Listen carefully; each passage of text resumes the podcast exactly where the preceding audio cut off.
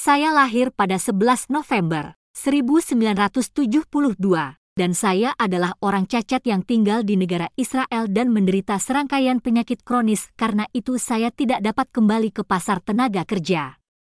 Sayangnya, negara Israel tidak menawarkan solusi yang masuk akal bagi para penyandang cacat dalam situasi perumahan. Situasi saya dan orang lain yang hidup sendiri tunggal dan lajang tanpa anak sangat parah dan juga dalam kaitannya dengan orang-orang yang membutuhkan lainnya. Saya mencari organisasi yang bekerja atau memperjuangkan hak-hak sosial individu atau orang lajang untuk berkolaborasi dalam perjuangan untuk rasa hormat yang minimal. Saya akan tertarik karena siapa pun yang tahu organisasi seperti itu telah menghubungi saya. Salam, Asaf Benyamini.